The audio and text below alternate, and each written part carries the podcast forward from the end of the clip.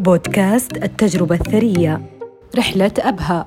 في مطار دبي كان يجلس جاسم وأصدقاؤه في انتظار الطائرة المغادرة إلى الطائف والتي تأخرت بسبب التقلبات الجوية. لم تكن تلك زيارتهم الأولى إلى السعودية فقد اعتادوا على السياحة فيها كل عام. اتفقوا مع أحمد مرشدهم السياحي منذ سنوات على أن تكون وجهتهم هذه المرة إلى أبها. لذا نظم لهم رحلة برية تبدأ انطلاقتها من الطائف ليشاهدوا من خلالها الطبيعة الخلابة الممتدة على طريق الجنوب.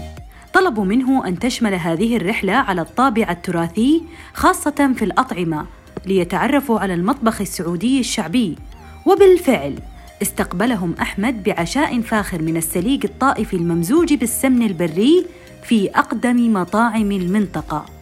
كانت لذته لا تقاوم لا سيما أن الأجواء شتوية والسماء ممطرة. في الصباح التالي بدأوا مسيرتهم نحو أبها مجتازين الجبال والضباب والمناظر الآسرة. زاروا الأماكن التراثية واستمتعوا بتناول الفطير المخبوز داخل التنور والعريكة والمشغوثة المغمورة بالسمن والعسل الأصلي.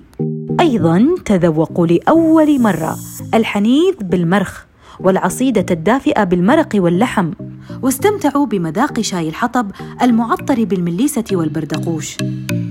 كانت رحلة تفوح بعبق الماضي والتفاصيل الجنوبية الأصيلة شعروا فيها بألفة أهالي المنطقة وكرمهم العالي.